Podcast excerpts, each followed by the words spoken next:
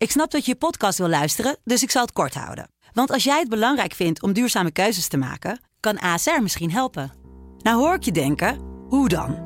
Nou, bijvoorbeeld bij het duurzaam herstellen van schade. Of de premies die we beleggen volgens ons duurzaam beleggingsbeleid. Dat bepaalt waar we wel en juist niet in investeren.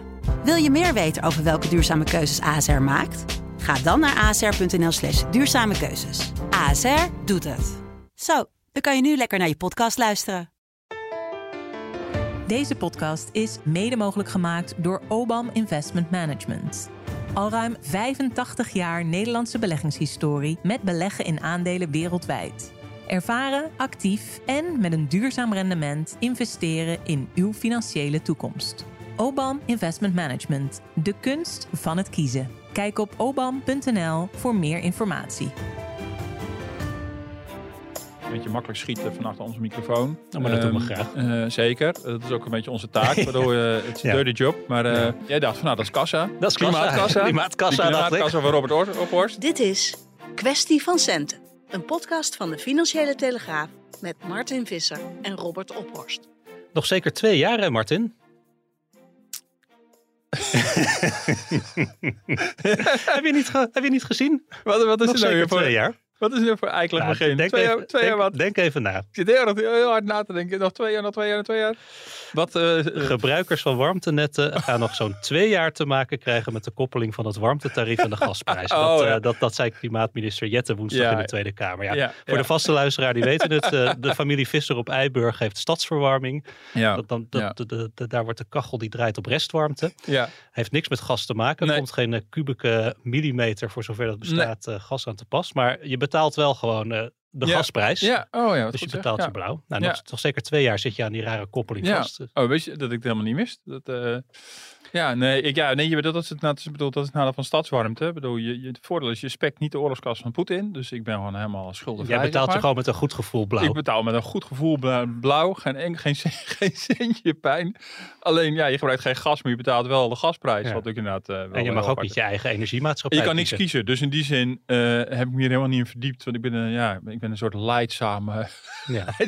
betaler van En, de rekening. ehm, op welke temperatuur, temperatuur staat de Hij thermostaat staat in op- Huizen Visser? Of mag je dat ook niet zelf bepalen? Jawel. ja, het is geen communistisch bouwproject hoor, de, de Eiburg. Maar ehm, hij staat op 20. En hij ja. staat normaal altijd op 21. Oeh, ja. Nou, toch nog steeds be- behoorlijk behagelijk. Hoor. Ja, bij ons Ja. staat hij tegenwoordig standaard op 18. Oh ja. Maar we hebben een, eh, een huis uit 1916. Dus niet die hypermoderne stadsbunker die jullie Mhm. hebben. Het energielabel A++. Maar eh, slecht geïsoleerd. Dus, en ik weet zeker dat ons huis, om dat op 18 graden te krijgen, dat dat Ja. voor een nieuwbouwwoning, dat wij al net zoveel gas verbruiken als een vergelijkbare nieuwbouwwoning die op eh, 20 of 21 Ja. staat. Dus dat geeft volgens mij ook wel een beetje aan hoe relatief die, ja, dat hele Ja. energiebesparing Nee, zeker. Nee. Ik, ik heb me heel even, ik, heb me, ik, ik kan, kan me herinneren op een gegeven moment eh, een soort van sentiment, nog niet eens voor de besparing, maar het gevoel van iedereen is, is allemaal de thermostaat het laagste. Ik moet ook, heb ik een keer één avond op 19 gezet. Ik vond het zo ontzettend koud. Ja, ik weet niet, maar ik, ja, goed, ik weet niet hoe het komt. Maar ik vind 20 al koud genoeg. Maar eh, ja, misschien, misschien komt er ook geen alcohol Dus meer drinken. soli- ik solidariteit, solidariteit heeft één avond geduurd. Maar zit- Toen zat je te rillen op de bank en eh, toen was het al gelijk klaar. Gekkigheid. Ja. Maar eh, nee, maar ik zag dat wij ruim onder het eh, energieplafond verbruiken. Overigens zijn onze tarieven inderdaad wel meer dan verdubbeld. Dus dan nog kan, je, kan je alsnog wel, wel, wel flink betalen. Maar goed, Ja. maar, tot nu toe. Ik heb het toevallig vanmorgen nog gecheckt. Vroeg mijn vrouw van hoe staat het er eigenlijk mee? En dan kan je op de app die laatste meterstanden invullen. We hebben blijkbaar nog geen slimme meter voor de, voor de warmte. En dan, eh, nou, het ziet er allemaal nog redelijk, redelijk gunstig uit. Ja, ja, nee, ik hou dat niet heel nauwgezet bij, moet ik zeggen. Dus Ja. misschien... eh, Dat lijkt me toch wel het belangrijkste. ja, nou ja, Dus we, nog, zitten nog tot de zomer eh, op het contract. Dus jij vernikkelt misschien voor niks. Ja, misschien wel, ja. dat is ook lekker.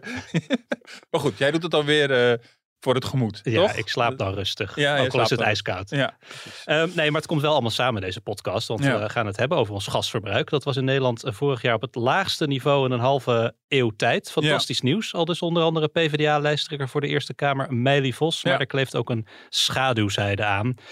En wie betaalt de rekening voor ons klima- klimaatbeleid? En eh, worden die kosten wel eerlijk verdeeld? Een rapport eh, van de Wetenschappelijke Raad voor het Regeringsbeleid trekt erover aan de bel. Ja. Dat allemaal in deze podcast. Laten we even beginnen met dat eh, gasverbruik. Ja, dat we minder gas verbruiken, dat is geen verrassing. Thuis, op het werk, je merkt het eigenlijk overal. Maar hoeveel minder? Dat was toch een opvallend cijfer dat vandaag naar buiten kwam. Een kwart minder afgelopen jaar in vergelijking met het jaar daarvoor.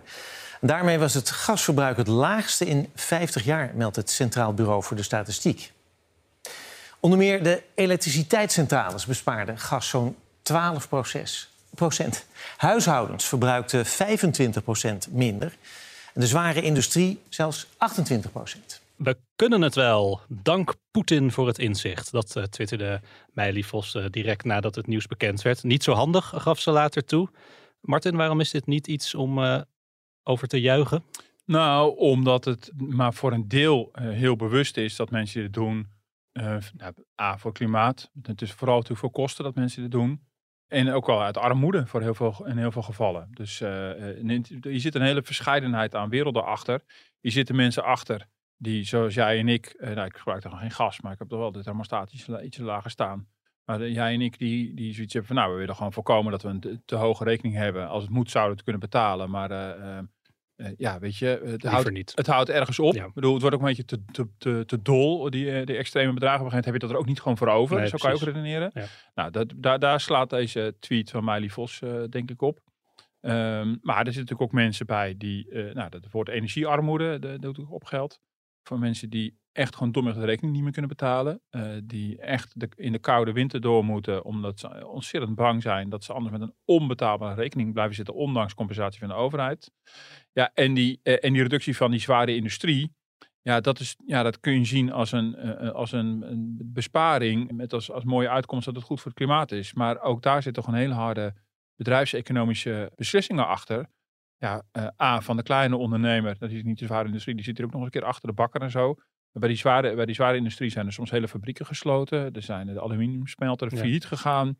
Want in welke uh, sectoren vallen de klappen? Nou, die klappen die vallen dus uh, met name in de basisindustrie, in de chemie, ja. Wat, wat papierfabrieken. Is wat, wat, is dat, de basisindustrie? Ja, dat is een beetje een soort verzamelbegrip voor, voor al dit soort chemie, papier, de, productie van allerlei basismaterialen, staal. Zo, het klinkt enorm essentieel. Ja, het klinkt heel essentieel. Ja, dus in die zin ook een beetje, dat is, dat is dus de vraag. Ik bedoel, daar kan je nog over twisten of je dat wel of niet vindt. Ik bedoel, mm -hmm. uh, dat is eigenlijk bijna al een politieke vraag over wat, wat voor industrie je in Nederland wil houden.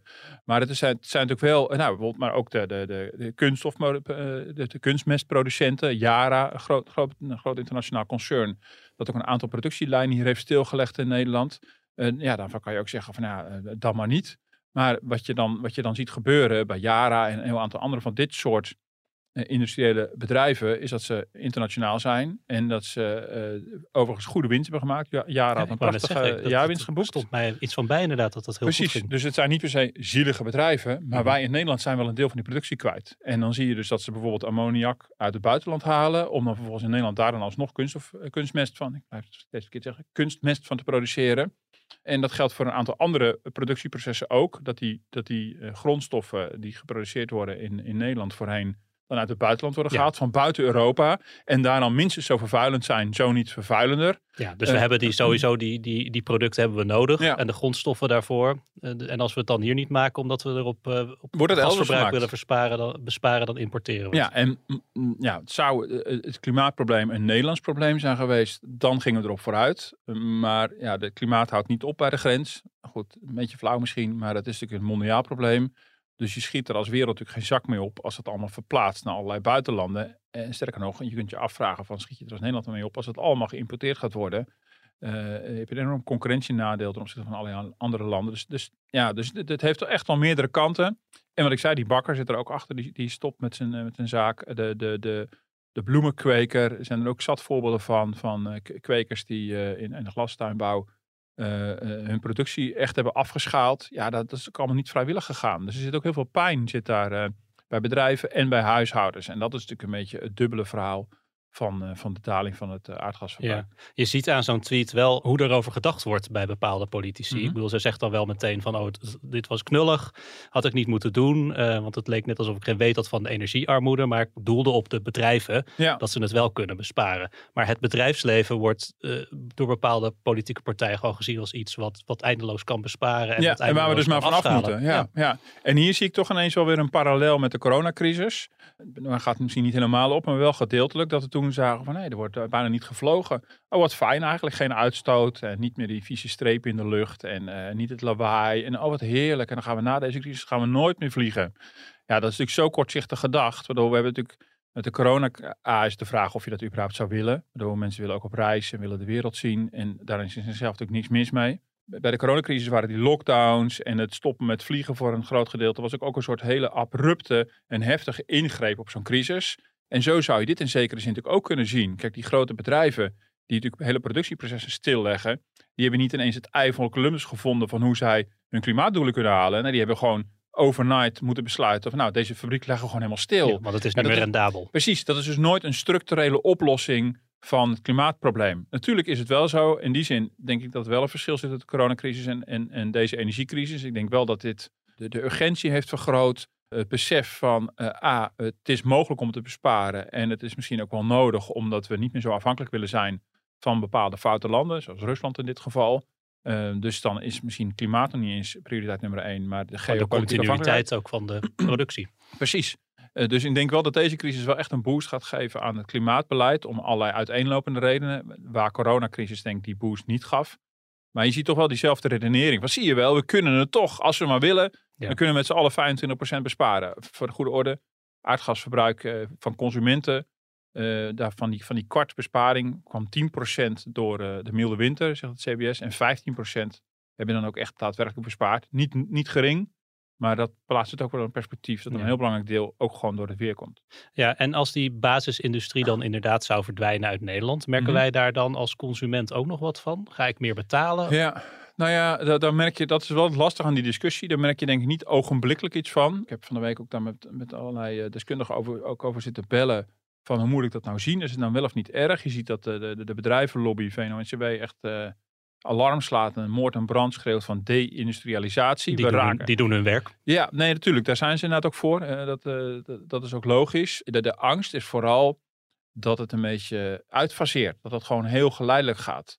Dat, eh, dat het niet zo is dat er van het een op het andere moment grote delen van onze industrie kwijtraken. Maar dat nieuwe investeringen misschien niet meer in Nederland en Europa worden gedaan. Omdat ze nu hebben gezien van oh, we kunnen het ook van buiten Europa halen. Dat werkt ook. Ehm, Europa heeft natuurlijk veel meer last van hoge energieprijzen dan bijvoorbeeld Amerika. eh, waar ze veel meer in hun eigen energie kunnen voorzien, via schaliegas onder andere. Dus in die zin is het, is het kostennadeel van Europa ook heel erg duidelijk geworden. We hebben in Nederland lang geprofiteerd van goedkoop gas. Niet alleen uit Rusland, maar ook, maar ook ons eigen Gronings gas. En het kostenplaatje is totaal veranderd. En dat is ook een soort wake-up call voor die grote bedrijven. Ja, dat ga je dus niet ogenblikkelijk merken. Maar dus de grote zorg zit hem vooral eh, nog niet eens per se de klap voor de economie meteen. En daarvoor is deze sector misschien ook weer te klein. Maar dat het wel de vraag stelt, maar willen we zo afhankelijk zijn van andere delen van de wereld voor hele basale, in die zin wel basisindustrie, van basale onderdelen van het productieproces. We hadden in de coronacrisis geleerd dat we eigenlijk liever niet willen dat de medicijnen mondkapjes uit China moeten halen. En nu is de vraag, ja, maar gaan we ons dan niet weer afhankelijk maken van allerlei andere buitenlanden als het gaat om ammoniak of, of staal of allerlei andere producten die we tot dan toe gewoon in eigen land of in eigen Ja. regio maakten. Ik vind gewoon heel belangrijk dat mensen eh, ook op dit vlak kritisch meedenken. en het is ook van belang met de verduurzaming die we hebben... dat ook heel duidelijk is wie betaalt wat. Eh, De vervuiler eh, moet betalen. Aan de andere kant moet er ook gewoon goed gekeken worden. Bijvoorbeeld eh, bij het verduurzamen van huurwoningen... dat de verhuurder eh, stappen zet. En dat daar eh, vooraf duidelijkheid moet zijn. Eh, dat lijkt mij eh, heel verstandig. Ja, maar zou u ook zeggen dat het kabinet doof is voor die kritiek? Nou, Of voor eh, zeg maar die vraag? Ik weet niet of ik mezelf direct als doof eh, zou eh, bestempelen. Eh, maar het is wel een hele belangrijke vraag. Want het houdt mensen thuis ook gewoon bezig. Eh, mensen zien de energierekening, hebben nu natuurlijk wel een energieplafond. Maar hoe gaan we het huis verduurzamen? En daar moet duidelijkheid op komen. En als we dat beter kunnen doen, dan dienen we dat als kabinet gewoon op te pakken. Dit was eh, minister Bruins Slot van Binnenlandse Zaken. Ze reageerde bij Goedemorgen Nederland op een rapport van de Wetenschappelijke Raad voor het Regeringsbeleid, de WRR. Het kabinet moet veel beter nadenken over de vraag wie opdraait voor de klimaatkosten. Ja. Als die niet eerlijk worden verdeeld, zal het draagvlak voor het klimaatbeleid uitgehold worden. Zo concludeert de WRR. Martin, wa- wat is de WRR en wat hebben ze nou precies onderzocht? Nou, de WRR is ehm, een adviesorgaan van, eh, van de, de overheid. Vrij academisch, dat zegt het woord wetenschappelijke raad ook al. Dus het vergt vaak wel even met je puzzelen en zoeken om dat te vertalen naar, ehm, eh, voor de krant naar eh, gewoon de, onze lezers. Maar in dit geval was het de link tussen hun rapport en onze klimaatkassa-kop natuurlijk vrij snel gemaakt. Ja, dat Eh, het- voor, de, voor, voor je het was vergeten. Na de presentatie van het klimaatakkoord in 2018 eh, hadden wij een, eh, volle voorpagina met, met, met het woord klimaatkassa. Dat Ja. ging over de gigantische kosten die met deze transitie gemoeid zijn. Ja, en het is een hele relevante vraag die heel veel mensen bezighoudt. En het is een academische raad met vooral heel veel hoogleraren erin. Het zijn rapporten die doorgaans vrij dik zijn. Niet super spannend om te lezen, maar soms wel heel invloedrijk. Soms ook helemaal niet. Er zit, dat kan je van tevoren niet zeggen. Er zitten rapporten bij die verdwijnen voor eeuwig in de la. Ja, dat wou ik zeggen, En, eh, want het is ja. eh, dan donderdag aangeboden aan eh gebeurt minister er nou van Ja. Infrastructuur en Jette Ja. van Klimaat. Ja, is het dan van dank u wel voor dit schrijven. Als u even meeloopt, dan laten we gelijk de hele diepe la zien waar dit in gaat verdwijnen. Nou, soms, soms ook wel en soms ook niet. Nee, maar soms dan, ik vind het verrassend. ehm, dat is een beetje mijn observatie in de loop van de jaren. Soms dan, dan, verdiep, dan ga ik me in een bepaald thema verdiepen, waar ik dan tot dan toe nog vrij weinig van af weet. En dan ga je er helemaal induiken. En ineens kom, stuit je dan op een WRR-rapport en dan zegt iemand, ja, maar de WRR heeft dit al gezegd in eh 1700. Nou, dat is Oh ja, waar. maar dan is er Maar gewoon de- helemaal niks meer En dan heel vaak is het, nou ja, of, of juist wel dat het een basis is geweest, wat Mhm. pas heel veel later, niet als een rechtstreekse reactie op dat rapport, maar eens het toch wel het denken beïnvloedt bij politici of bij ambtenaren. Eh, dus zo, zo zie ik het zelf een beetje. Dat klinkt een beetje onaardig.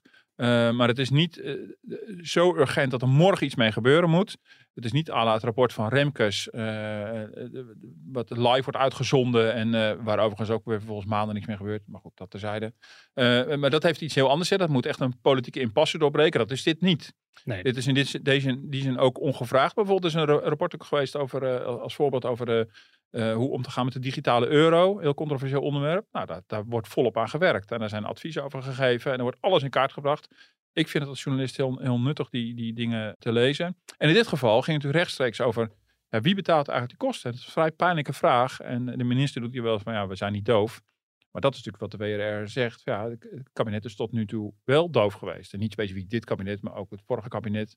Dat is in ieder geval wat mensen aangeven. Ja. Die door, eh, wat ik geloof dat het door INO Research wordt Ja, dus uitgevoerd. Een peiling onder, eh, onder, onder de bevolking. Ja, ze hebben ook een enquête laten doen. En dan blijken eh, grofweg twee dingen. A, er is heel veel draagvlak onder de bevolking voor klimaatbeleid. Echt heel groot draagvlak. En B, er zijn grote zorgen over wie gaat dit betalen. En dat kan tegelijkertijd opgaan. Je hoeft dus niet je druk te maken om die klimaatkassa alleen maar als je tegen klimaatbeleid zou zijn of iets dergelijks. Nee, mensen maken zich daar gewoon echt zorgen over. En stellen ook van, we vinden een eerlijke verdeling van de kosten uiteindelijk belangrijker of we dat laatste stukje CO2-reductie hebben gehaald. Dus als je op een gegeven moment een afweging moet gaan maken van het meest vergaande klimaatbeleid of gewoon een eerlijke verdeling van de rekening, gaat men toch voor de portemonnee.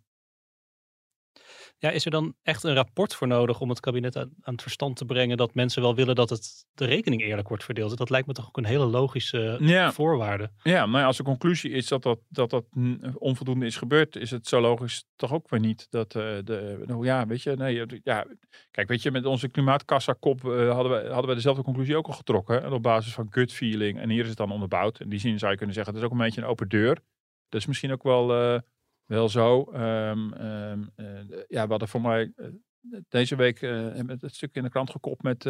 dat het gaat over klimaatvraag nummer één, was, was in de kop. Nou, Ja. van hè, natuurlijk gaat het over de kosten.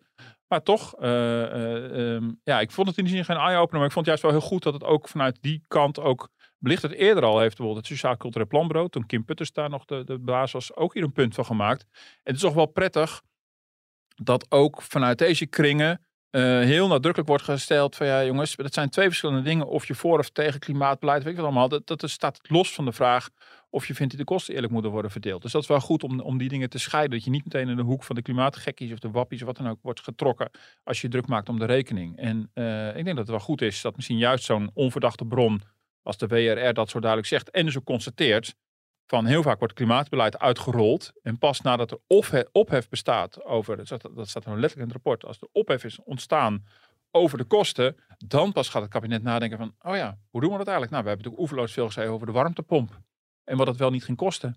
Dat mensen zich er druk over maken, ook over de eff- effectiviteit van het ding en of het veel herrie maakt, nou, dat, dat, ook allemaal prima. Maar ook gewoon, wat gaat het kosten en wie gaat het eigenlijk betalen? En ja, dat, mijn indruk was dat het vorige kabinet het heeft uitgerold met die klimaattafels en weet ik wat allemaal, dat die dat allemaal aanvankelijk een beetje flauw gedoe vonden.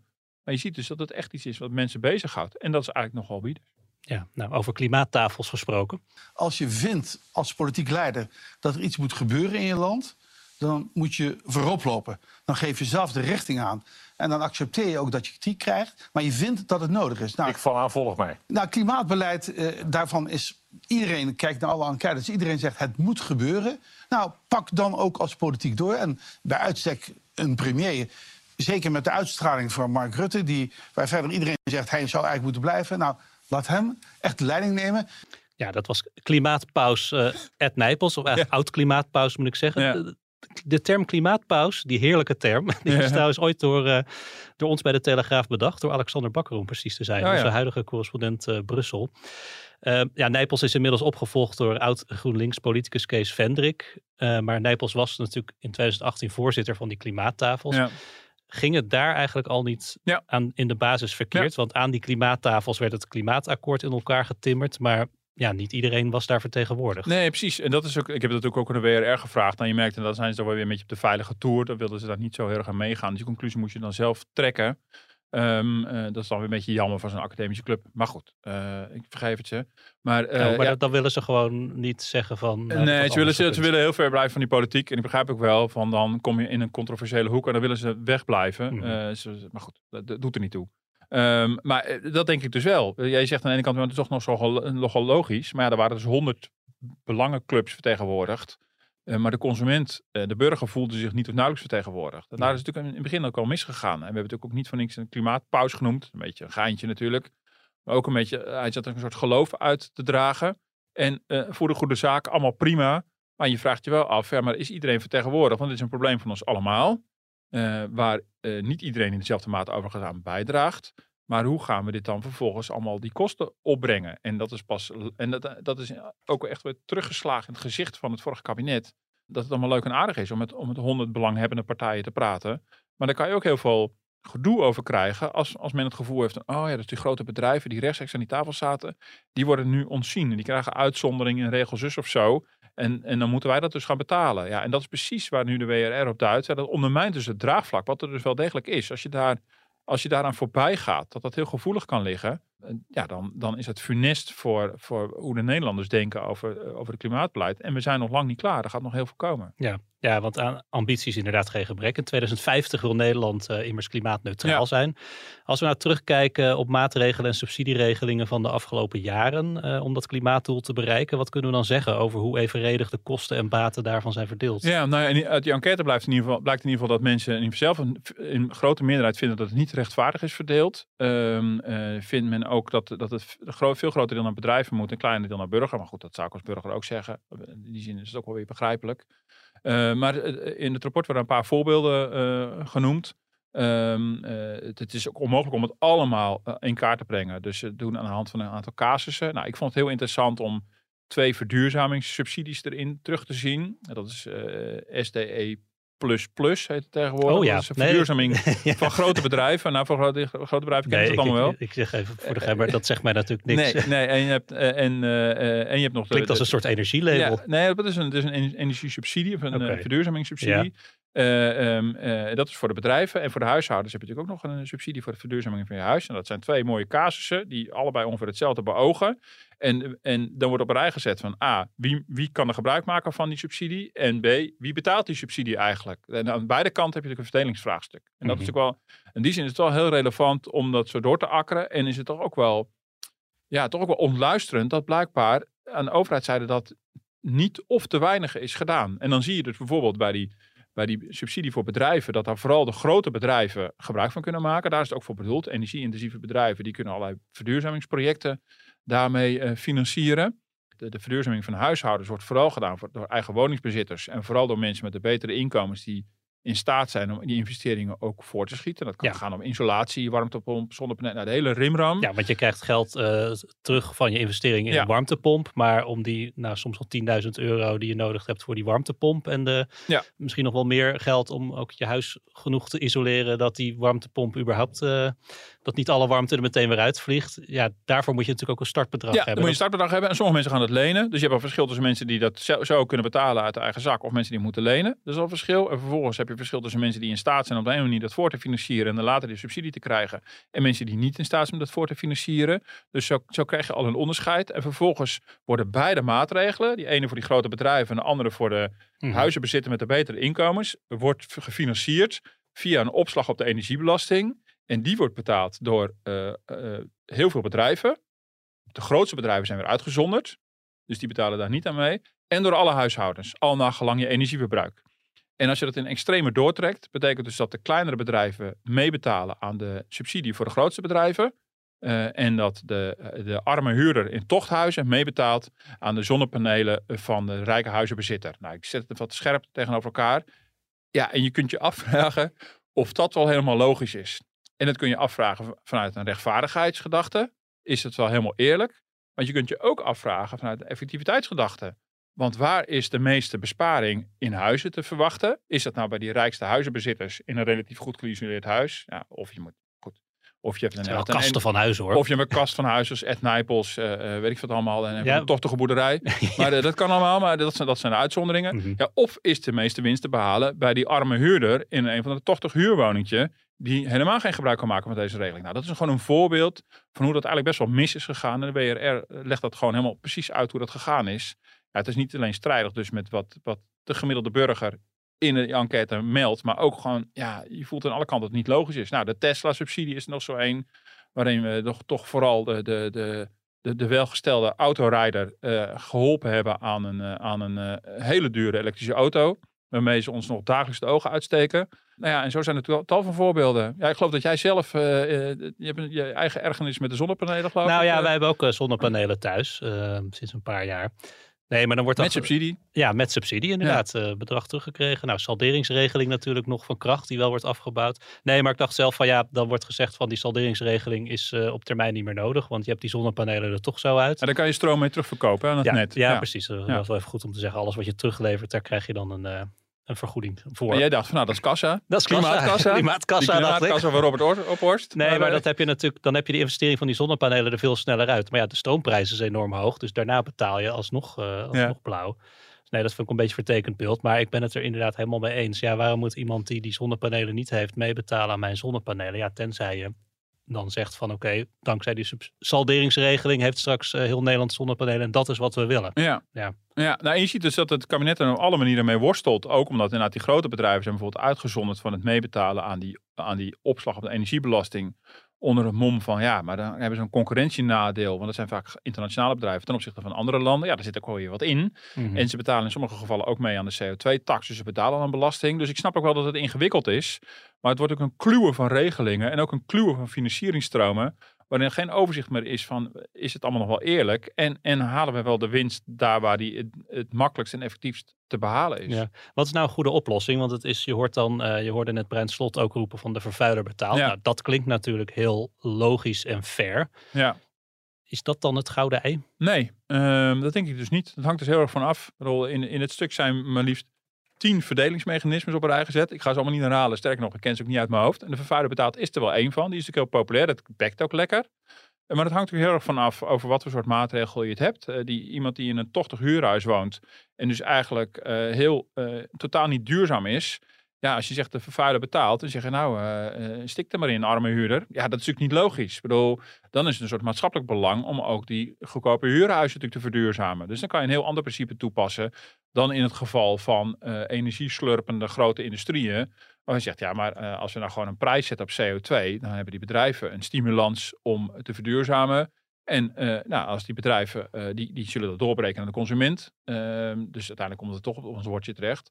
Maar dus als het goed is, ontstaan er dan prijsverschillen tussen bedrijven die wel duurzaam zijn geworden en eh, bedrijven die nog niet zijn. Dus je kan niet zomaar één principe toepassen op alle, op alle problemen die er zijn. Ja, het is ook wel een beetje een, een, een veelkoppig monster geworden inmiddels, dat klimaatbeleid. De ambitie kan natuurlijk wel zijn om alles eh, eerlijk te verdelen, maar je ziet in de praktijk dat de overheid toch ook vaak niet helemaal bij machten is om alle consequenties meteen te overzien. We hebben ons op veel vlakken toch een beetje klem geschaakt eh, de Ja. afgelopen jaren. Neem stikstof. Nou, volgens mij vindt, snapt de overheid ook wel dat niet iedereen dat eerlijk vond. Maar er is dan een stikstoffonds van 25 miljard. Maar door allerlei uitspraken en bindende afspraken eh, kan, je, kan je er ook als overheid niet meer vrij uit beleid op maken. Nou, die bouwvrijstelling die was verleend voor het uh, megaproject Portos, dat CO2 Ja, ja. af moest vangen en onder de grond moest stoppen, eh, is door de Raad van State van tafel geveegd. Dus ja, ik maak mezelf ook wel een beetje zorgen. Ja. Ze kunnen het wel willen, maar hoeveel kunnen ze in de praktijk? nee, natuurlijk. En het is, het is ook heel weerbarstig. Dat is ook wel zo. Dus, eh, dus misschien is het nu een beetje makkelijk schieten van achter onze microfoon. Nou, maar dat doen we Ehm, graag. eh, zeker. Dat is ook een beetje onze taak. Waardoor eh, het is een Ja. dirty job. Maar Ja. nee, maar dat is natuurlijk zeker waar. Het is ook allemaal niet gemakkelijk. En dat wil ik ook absoluut niet suggereren. Maar het is ook wel, het blijft natuurlijk wel. We begonnen natuurlijk net met die klimaattafels. Ja. Kijk, als het denkfout bij de start wordt gemaakt, ja, daar kun je de politiek natuurlijk wel aanrekenen. Nee, maar ik bedoel het ook niet. Ik heb, ik heb er verder geen medelijden mee. Alleen eh, het is zo ingewikkeld gemaakt en er zijn zoveel afspraken gemaakt. Ja. En, en wordt, door de rechter wordt er allemaal dingen een streep gezet. Ja, kijk, subsidies kan je in het leven roepen en kan je specifieker toekennen. Maar dat, dat is natuurlijk niet altijd de weg, omdat die, Nee. dat, dat is maar één onderdeel van Ja, het klimaat. Maar moet ik wel zeggen, eh, even voor de rechters. Vaak eh, halen, zetten de rechters een streep door een zaak waarvan de politiek al van kilometers kon zien aankomen dat het mis zou gaan. Mhm. En waar steeds kabinet dat weer doorschoven naar hun opvolgers. Ja. Dus het is nu ontzettend lastig, want je hebt inderdaad nu het gevoel dat het aan alle kanten klem zit. Dus hoe je daar nu nog uit moet komen, zou ik eerlijk gezegd ook niet weten. Het zit klem aan zoveel kanten. En al die dossiers zijn inmiddels totaal met elkaar verbonden geraakt. Van, van klimaat, stikstof, eh, woningbouw eh, en dergelijke. Eh, in die zin is het nu echt heel ingewikkeld. Maar dat de rechter in ieder geval nog af en toe zegt tegen een Shell van nou, er zijn voor mijn klimaatdoelen, je wordt er gewoon aan gehouden. Of tegen een kabinet, je hebt toch zelf een handtekening gezet onder dit klimaatakkoord. Nou, kom erop dan. Of stikstofbeleid van, oh ja, had je niet bedacht in eh, 1900 zoveel dat we dit zouden gaan doen? Nou, ga het nu zo langzamerhand een keer doen. Ja, ik ben persoonlijk, hoe onhandig het ook is, blij dat in ieder geval een rechter ons nog beschermt tegen een overheid die alles maar oeverloos door blijft schuiven. Ehm, dus dat is, dat is de andere kant van het verhaal. Maar je zit dus nu wel in een situatie, ben ik helemaal met je eens. Ik denk van, maar waar begin je nou nog? Want het hangt allemaal aan elkaar van uitzonderingsbepalingen die dan nu dus niet meer mogen. Allemaal geitenpaadjes die nu, inderdaad nu zijn afgesneden. Ja, Ja. Zie je er nu nog maar eens uit te komen. Ja. Nee, maar goed, dat, dat, dat doet wel somber stemmen over of die rekening dan straks wel eerlijk wordt verdeeld. Ja, ja eh, dat. Ja. En of je er inderdaad allemaal uitkomt. Bedoel, We hebben inderdaad dat- de geldkwestie, maar we, we hebben ook gewoon allemaal ambities. En we willen ook een goed draaiende economie hebben. We willen woningen hebben voor, voor, voor iedereen. En we willen vluchtelingen opvangen. Daar hebben we ook weer woningen. Dus we hebben zoveel tegelijkertijd. Dus dat, dat gaat wel, eh, wel Ja. lastig worden. Maar ik denk toch dat ja, de, de, ja, de enorme open deur aan de ene kant van de beste politiek, let op dat het wel eerlijk blijft worden verdeeld, die, die kosten. Want anders dan is het echt funest voor het draagvlak van je beleid. Ik denk dat ja, dat is een, ja, dat is een tegeltje en een gouden wijsheid die je bijna niet kan vergeten, maar die in de praktijk Ja. blijkbaar toch af en toe wordt Ja, het, moet helemaal, het moet helemaal goed komen volgens mij. Want eh Nijpels is inmiddels dus opgevolgd door Kees Vendrik. Hij is voorzitter van het eh, nieuwe Nationaal Klimaatplatform. Ehm, en daar worden dus een soort eh, eh, nieuwe klimaattafels in het leven geroepen. En hij zegt ook van elke dag op pad, elke dag een dialoog, elke dag weer opnieuw kansen en knelpunten bij burgers en ondernemers ophalen. Ja. Eh, versnellen en verbinden, waarbij we oog moeten hebben voor klimaatrechtvaardigheid. Dat is Nou, zijn dat, doel. dat, dat moet dus wel goed komen. Toch? ja, nou, Ja. Wat, kunnen wij, wat kunnen wij daar nog aan toevoegen? Ja, daar is hij weer. De rondvraag. Ik ehm, moet bekennen, ik ben de afgelopen maanden, of wij thuis, zijn bestookt door aanbieders van eh, glasvezel. Oh. Want eh, in Haarlem wordt dan glasvezel aangelegd. En daar moet je vooral snel bij, bij zijn. Dat kan nu nog gratis. Meld je aan, sluit een contract af. Dan komen we gratis eh, komen het aanleggen. En eh, het is allemaal veel sneller, beter, eh, betrouwbaarder. En als je het nu niet doet, dan kan het straks alsnog. Maar dan betaal je voor de aanleg. Dus beste, beste klant, doe het nu. Nou, stond zelfs brieven, mailtjes, telefoontjes. stond zelfs nog een keer iemand aan de deur van een grote telecomprovider. Dus uiteindelijk was ik dan overstag gegaan. Me aangemeld. In maart zouden ze dan zouden ze dat gaan aanleggen. Contract afgesloten. Kreeg ik eh, van de week een, een sms'je van eh, de telecomaanbieder bij wie ik dat contract heb afgesloten. Van, we hebben u geprobeerd te bellen. Ehm, reageer eh, binnen zeven dagen, want anders moeten we uw bestelling annuleren. Huh? Ik kreeg ook nog een mailtje met dezelfde strekking. Ik, ik keek nog in mijn telefoon, ik had helemaal geen gemist belletje. Dus ik had even gebeld van de week. Ik kreeg een hele aardige mevrouw aan de lijn en die legde uit van, oh ja, nee, het, het wordt, het wordt mei. Ehm, en als u dan, als u akkoord gaat met dat uitstel, Ja. wat een technische reden, dan, dan, dan is het goed. Maar anders eh, kunt u het opzeggen en dan kunt u ook eh, kunt u bij een andere aanbieder eventueel. Maar ik, zei- ik zei ook tegen die mevrouw, ik vind dat prima. Maar A, ik heb helemaal geen gemist belletje. En B, ik, ik bespeur nogal een grote discrepantie tussen de, de nogal agressieve acquisitie. Ja. En dan als je één keer een niet Ja. gepleegd belletje niet beantwoordt, dan is het gelijk binnen zeven dagen word je geschrapt als klant. Ik Maar vond het is een het rare... een, eh, ik bedoel, is het wel in de haak? Het is in de haak, ja. Oh, Nee, dit is zeker in de haak. Maar ik vond het een rare... Ze, ze willen heel graag klanten. Ja. Bestoken je tot, tot in den treuren. En als je dan één keer niet reageert, dan is het gelijk van... nou, binnen zeven dagen is het eh, anders Ja, afgelopen. wij werden wel eens opgebeld. Eh, ik mijn vrouw begon erover. Ja, ik had iemand aan de telefoon van een van de heel onduidelijk telecombedrijf. En die zei, weet u dat u eh, vanaf volgende week geen internet meer heeft, omdat u geen glasvezel heeft? En oh, dat was dus duidelijk niet in de haak. Tenminste, dat veronderstel ik dan maar even. Dus nee, ik moest even daaraan denken. Maar er worden hele rare dingen dan gezegd. Ik zei, nou mevrouw, we hebben gewoon glasvezel. Er is helemaal niks aan de hand. Oh, jullie hebben al glasvezel? Ja, al lang. Jullie zijn al onderdeel van die toekomst. Ja, zeker. joh. dat zie je toch ook aan me? Eh. en nou, ik, had, ik had nog een eh, boekentip. Ehm, ik zit midden in, eh de boek is al een paar, een paar, een paar jaar oud. En ik zit midden in de, de biografie van Avicii, Tim. Oh, Ehm, Ja, ehm, tragisch dat- om het leven gekomen. ja, heel, super interessant. En mooi, mooi geschreven en heel tragisch inderdaad. Ben je ook een liefhebber van zijn muziek? nou ja, die, die pa- paar hits, die werden bij ons thuis heel veel gedraaid. De kinderen waren er ook helemaal dol op en wij vonden het ook heel erg leuk. Ja, ik, nou, ik draai het niet heel veel meer. Maar het staat wel in onze, in onze gezinslijst voor in de auto. Het is in de auto doet het eh, heel erg goed. Maar eh, ja, dan, ja nou goed. Het is, het is een fascinerend boek. Ik ben ongeveer op de helft. En is het net zo'n, was het net zo'n tragisch figuur als een beetje het beeld wat na zijn... eh, Ja, nou dat heeft, wel, om het leven gebracht, Ja, dat, dat, dat- ja, dat zeker. En, en je leest al heel snel dat die onzekerheid, die, de- de- ja, wat hem blijk, blijkbaar uiteindelijk dan parten is gaan spelen en finesse is geworden, dat hij er al heel vroeg in zat. Ik bedoel, en dat vind ik, dat is ook tragisch, maar ook, het is heel mooi geschreven. Dus ik ben eh, echt wel een beetje verrast. Eh, ik lees niet zo vaak zulke soort boeken. Ik denk, nou, het zal mij benieuwen. Maar ik hoorde zoveel mensen daar positief over. En ik lees ter voorbereiding voor een interview voor de krant, waar ik eh, nog even niks over kan zeggen. Maar ehm, We weten dan wel een beetje in welke hoek we het moeten zoeken, denk en ik. nee, maar ik dacht van nou, dit is een hele goede aanleiding om het eens te lezen. Maar dat is echt, dat is echt een aanrader. Het is echt een eye-opener over die wereld, de hele DJ-wereld, waar je wel een bepaald vermoeden hebt. Heel veel Nederlanders komen er ook in het boek voor. Nou, Nederlanders zijn natuurlijk heel sterk in die, in die, in die, in die wereld. En ja, nee, maar het is mooi, mooi geschreven en, en een treurig verhaal over een heel onzekere jongen die heel begaafd is. En eh, zichzelf hebben heeft aangeleerd om van die monsterhit te schrijven. Gewoon echt ongelooflijk en heel jong, gigantisch doorbreekt. En wat dat dan met zijn jongen doet. Eh, ja, absoluut aanraden. Eh, dank jou hartelijk, Martin. We Ja. zijn er weer doorheen. Ik zeg tot de volgende week. Ja, tot volgende week.